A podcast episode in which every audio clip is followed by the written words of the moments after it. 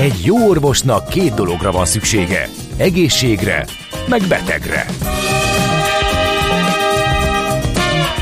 Folytatódik a minden hétköznap reggel jelentkező tünet együttes. Villás reggeli, a gazdasági Muppet Show.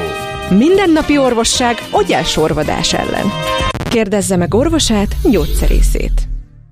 A Millás reggeli főtámogatója a Schiller Flotta Kft. Schiller Flotta is rendtakár. A mobilitási megoldások szakértője a Schiller Autó tagja. Autók szeretettel. A műsor támogatója a Hold Alapkezelő ZRT, az infláció elleni védekezés és az online vagyonkezelés szakértője.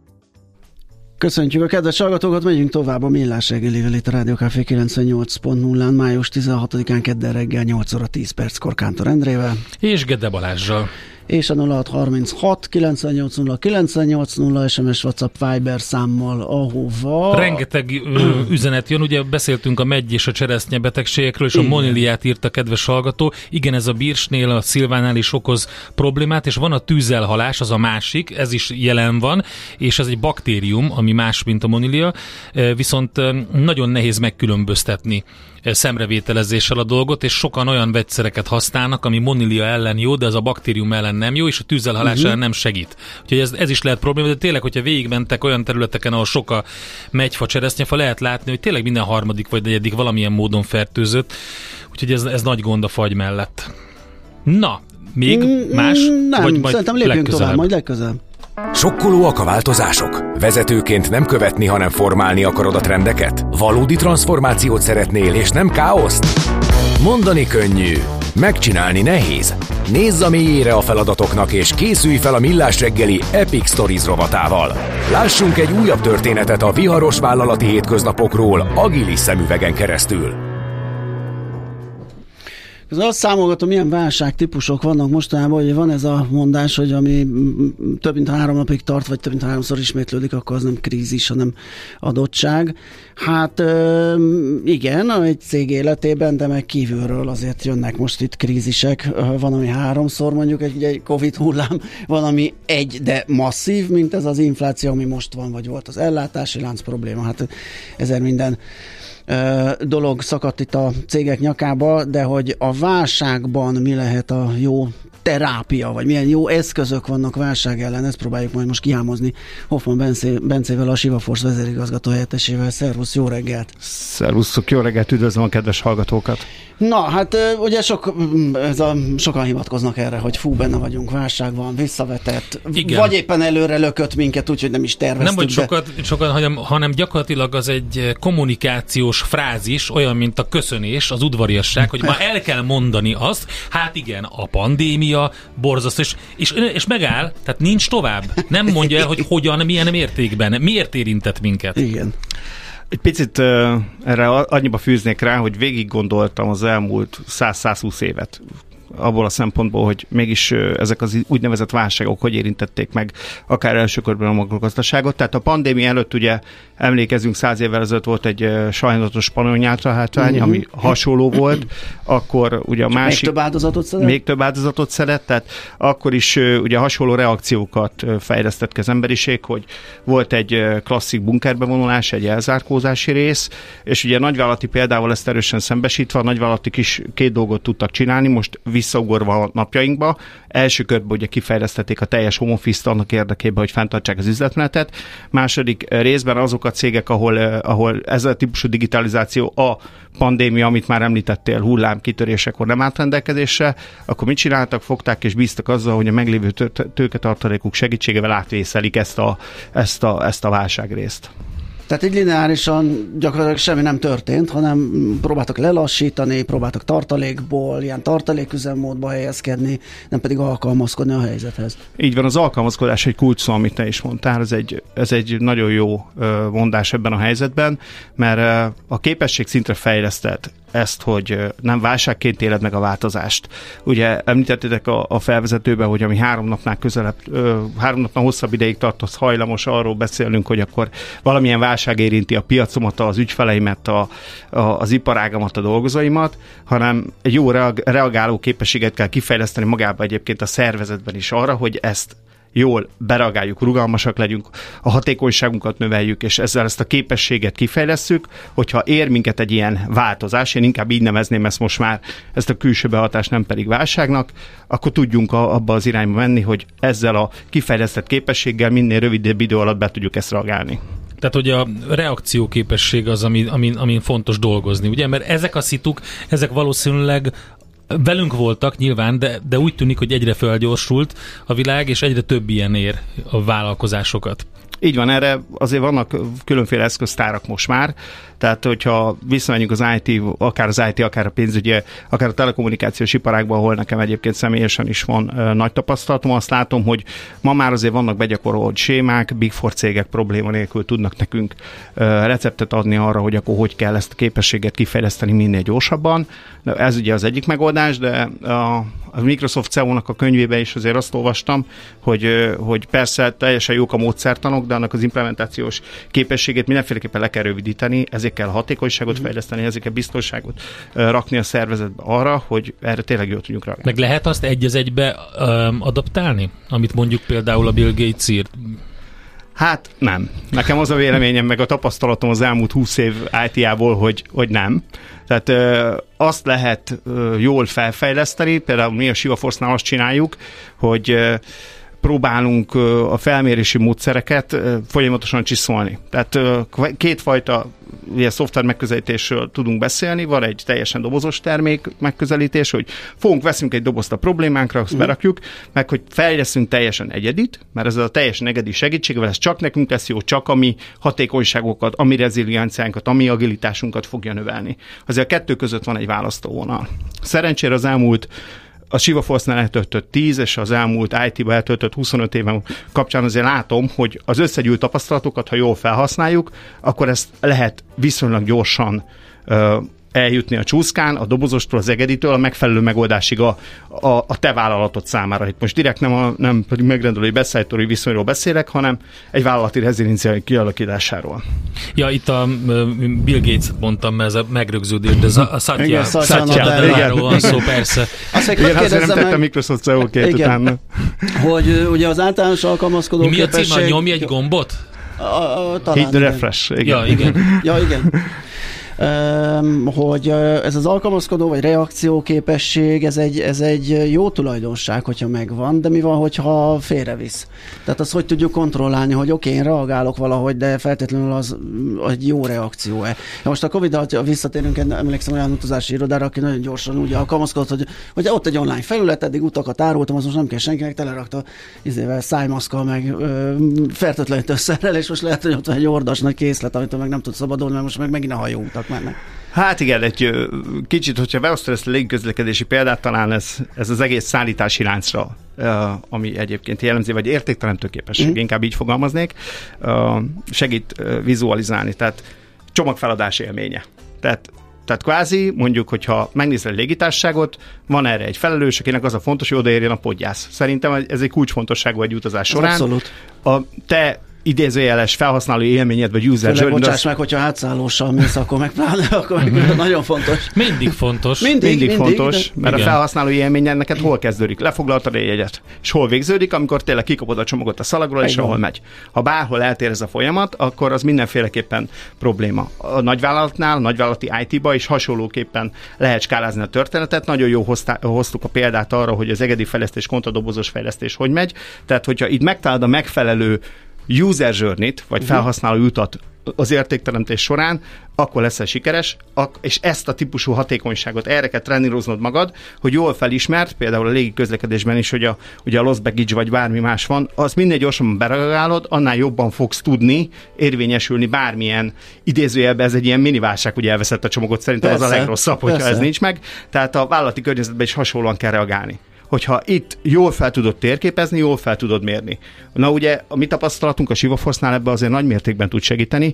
Az elmúlt 20 évben sok ilyen projektet láttunk, ahol azt láttuk, hogy volt valami idézőjelbe lost baggage story, és akkor hogy tudjuk a legjobban ezt feltervezni, hogy tudjuk erre a legjobban reagálni. Tehát mm. ezt a típusú biztonságot, ezt meg tudjuk adni. Nem szőrszálhasogatásból, de pont ugye a, a, a baggage, vagy a, a, a, na, a podgyász az a földi utaskiszolgálás része, és ugye én mégis a, ennek a hibáját a majd a repülőtársasághoz kötöm, mert én vettem egy repjegyet, elmegyek A-ból B-be, és közben meg nekem van egy podgyász problémám.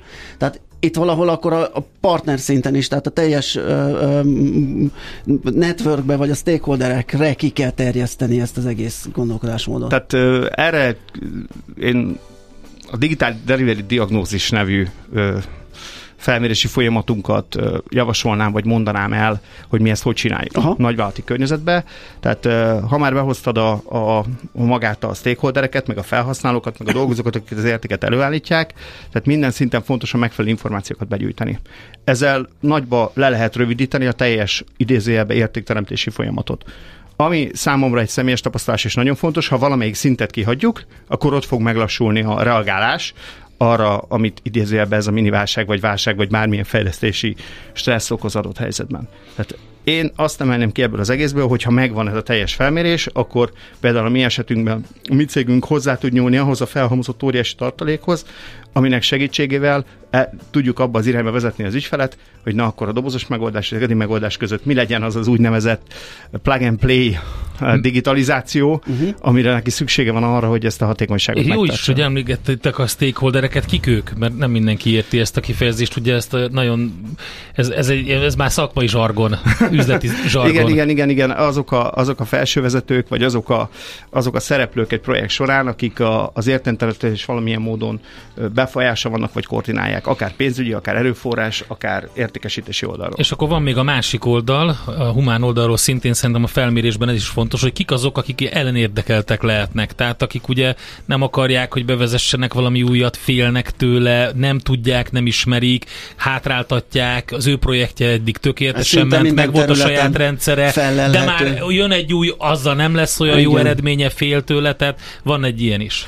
Hát igen, a változás az, sokszor mondják, hogy a változás az fontos, ki akar változás, fölteszik ezért mindenki, és ki akar változni, itt azért annyi kéz nem szokott általában okay. fölmenni. Én Ez azt jó. mondom, hogy, hogy a változás biztonságát kell ilyenkor megteremteni. Tehát a, ahhoz, hogy ez megtörténjen, meg kell, ezért jók ezek az interjúk. Tehát, hogy meg kell találni azt, hogy ki, fel, fel tudja deríteni, hogy ki az a idézőjelben szakmai blokkoló vagy ellenérdekelt, aki egyébként nem szeretne ezt a változást szeretne, de ő maga nem szeretne változni, és meg kell neki találnunk benne a biztonságot. Ha ez megvan, akkor ő is evangelistája lehet egy változásnak.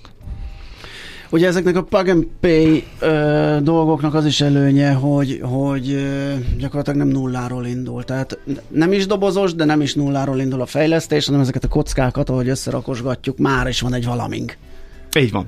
Tehát nekem az a tapasztalatom, hogy... És mégis testre szabható, bocsánat. Mindenki nagyon szeretne gyorsan valami jót létrehozni. Tehát erre vannak már különféle módszertanok, ugye itt, itt az adásszorozatban is sokszor beszélünk az agilitásról, uh-huh. hogy hogy tudunk reagálni. Tehát azért ez egy fontos dolog, hogy minél előbb a piacra lépjünk ezzel a megváltozott dologgal. Tehát ez minden cégnek fontos, hogy a piacát megőrizze, hiszen valamilyen módon a, ebből, ebből a dologból él. És visszatérnék oda, ahol az, el, amiről az elején beszéltem, hogy kicsit, kicsit a saját példánkra kitérve, hogy azért kell az a tapasztalat. Hogy tud, hogy valamikor én is dobozos termékethez nyúlok, és azt javaslom végén a digitális érettségi felmérés végén az ügyfélnek, hogy na, ehhez nyúljon, de alapvetően a tapasztalatunk alapján úgy jól le tudjuk azt dönteni, hogy mikor kell ezeket az úgynevezett plug and play, vagy idézőjelben fogalmazom, és idézőjelben zacskós megoldásokat hoz nyúlni, ami végig adja egy dobozosnak a biztonságát, de végig a te igényéthez van testre szava. Ebben nagy tapasztalatunk van.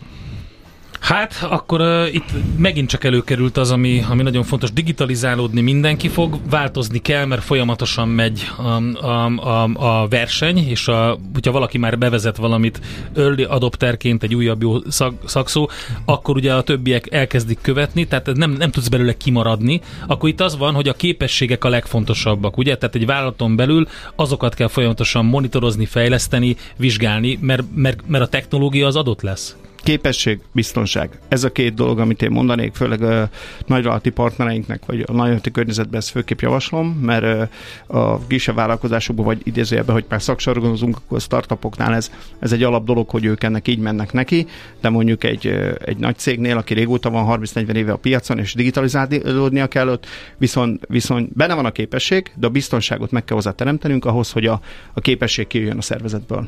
Erre azért vannak jó megoldások. És egyébként milyen bázisról indulnak a cégek? Mi a tapasztalat? Tehát ez a digitális érettség, ez uh, hogy Meglepő. Áll, Igen? Meglepően magas, tehát én abban a szektorban, azokban a szektorokban, ahol mi dolgozunk, ott már mindenhol van valamilyen típusú uh, elkezdett digitális projekt, tehát én inkább ilyen har, hat, három évvel ezelőtt 30%-ot mondtam volna, amikor a pandémia kezdődött, most inkább ilyen 60% körül állnak. Tehát mindenki szeretne ebbe fejlődni, azt lehet látni. Ezt a képességet elsajátítani. Hát ez jó. Ez okay. így a végére akkor egy egész jó, jó kis információ lett, jó hír lett. Oké, okay, nagyon köszönjük, közben kaptunk egy képet egy igazi stakeholderről. Hát a képen természetesen óriási bordák és sültek. Jó. Tényleg. Elnézést. De, de, de, de, de az ste a, ste Persze, a, tudod, nem igen. stake. De, de oké, okay, de rendben. Köszönjük a szóviccet, Így van. Bencelket köszönjük szépen, hogy beugrottál hozzánk, és beszélgettünk ezekről köszönjük a dolgokról. Szép, köszönöm szépen a lehetőséget. Hoffman Bence volt a vendégünk, a Siva Force vezérigazgató helyettese. Epic Stories. Történetek a viharos vállalati hétköznapokról agilis szemüvegen keresztül. A Millás reggeli céltudatos és bátor vezetőknek szóló rovata hangzott el. Tamarosan folytatjuk a millás reggelit egy kis zene után a már ismert CBDB formáció jön, aminek a nevének nincsen más értelme, nem kell megkölteni, mert a zenekar is elmondta, hogy olyan jól hangzott. Olyan, CBDB, mint az ACDC, olyan, mint az ACDC, csak máshogy követünk, de olyan, mint a Subidubi, és, és valahogy ez így jött. Jabadaba. Jé, hát ez meg micsoda? Csak nem. De egy aranyköpés. Napi bölcsesség a millás reggeliben. Hm, ezt elteszem magamnak. Egyik születésnaposunk, illetve hát akire megemlékeztünk, Gács Rezső, alias Rodolfo, ezen a napon született 1911-ben, május 16-án. Azt mondta egy alkalommal, az a művész, aki megvan magával elégedve, az nem művész többé, az meghalt igen, el tudom képzelni, hogy a, gondolom, megvan elégedve, ott kimegy az inspiráció, nincs már az, amiért... Megvan elégedve, az azt jelenti, hogy ő, ő maga úgy érzi, igen. hogy ő beteljesítette a küldetését, igen. ő már megtette, őt már csak elismerni kell, és nem törekszik és arra. És, és fizetni. Csak a kezemet figyeljék, mert csalok. Gács Dezső. Innen oda ennyiért, onnan ide annyiért, majd innen oda ezt és vissza azt emennyiért. Közben bemegyünk oda azokért és átvisszük amoda amannyiért. Mindezt logikusan, hatékonyan. Érted? Ha nem, segítünk. Észjáték. A Millás reggeli logisztikai rovata következik.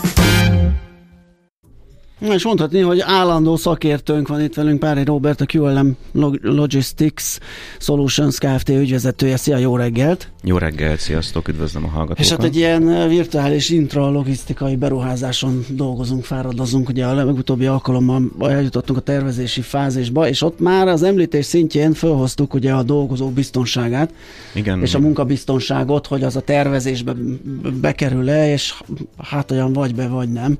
Azt hiszem valami ilyesmi ilyesmi volt a végső konklúzió. De most egy kicsit rá, ráúsznánk erre a témára jobban, hogy ez mennyire fontos, és mennyire van ennek egy ilyen felértékelődő szerepe.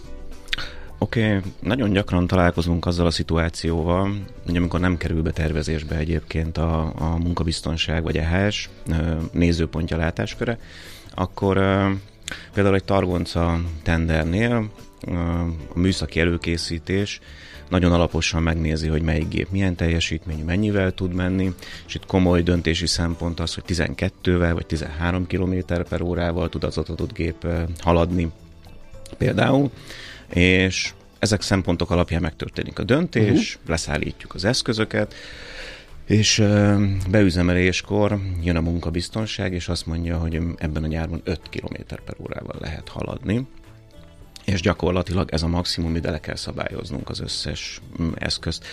Előfordul, hogy nem is jó eszközt választottunk, mert kisebb eszközt is választhatnánk a feladatra teljesítménybe olcsóbbat, tehát itt is van egy ilyen mm, banális szempont. Uh-huh.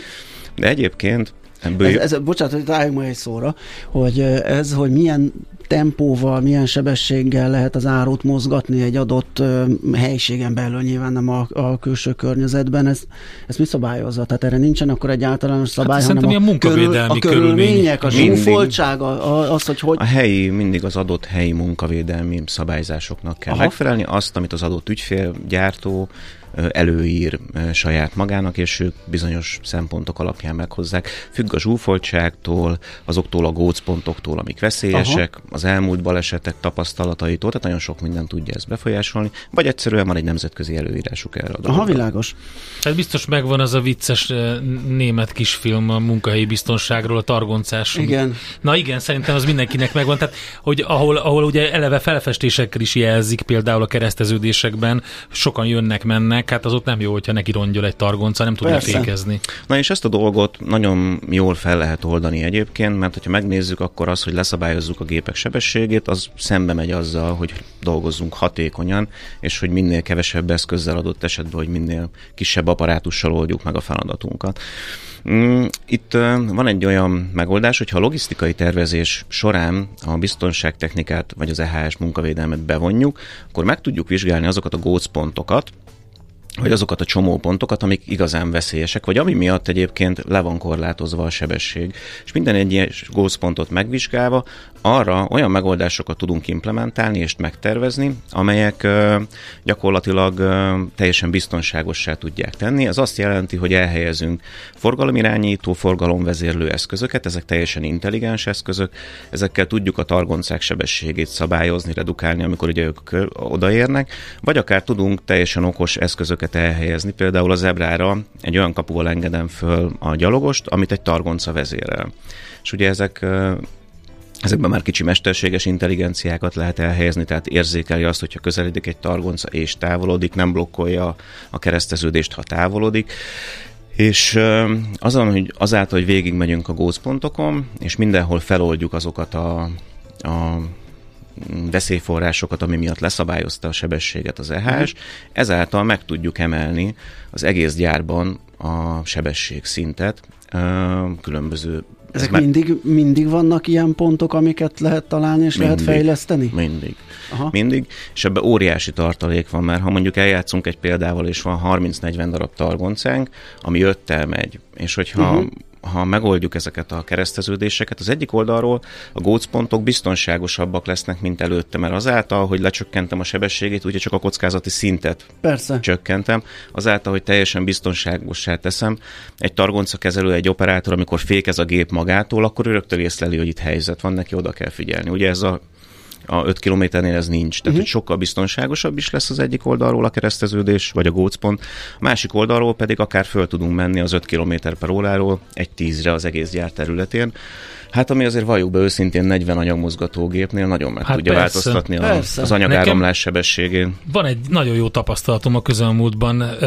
Soha nem vezettem targoncát még, múltkor sikerült kipróbálni egy ilyen nyílt napon, és pont egy ilyen rendszer volt, hogy hogy egy bizonyos szakaszban leszabályozta a sebességet. Uh-huh. És ezeknél az elektromos járműveknél teljesen más az a sebesség, amikor leszabályozza, meg amikor visszaszabályozza. Uh-huh. Tehát nagyon érezhető a különbség, és nagyon érdekes, hogy ezt azt nagyon nehéz nekem manuálisan megoldanom, és arra figyelnem. Az biztos, hogy nem lehet az összes uh, targonca vezetőnek elmagyarázni, megcsinálni, szabályozni, betartani. Tehát, hogyha így be vannak építve ezek a rendszerek, az nagyon-nagyon növeli a hát hatékonyságot. Hát én annak idején egy jó öreg balkánkárral, abban nem volt semmilyen szenzor, kérlek szépen, és télen az hőlégbefúvóval indult, mert különben a hidegben nem e, tért magához. Na de az egy másik epizód.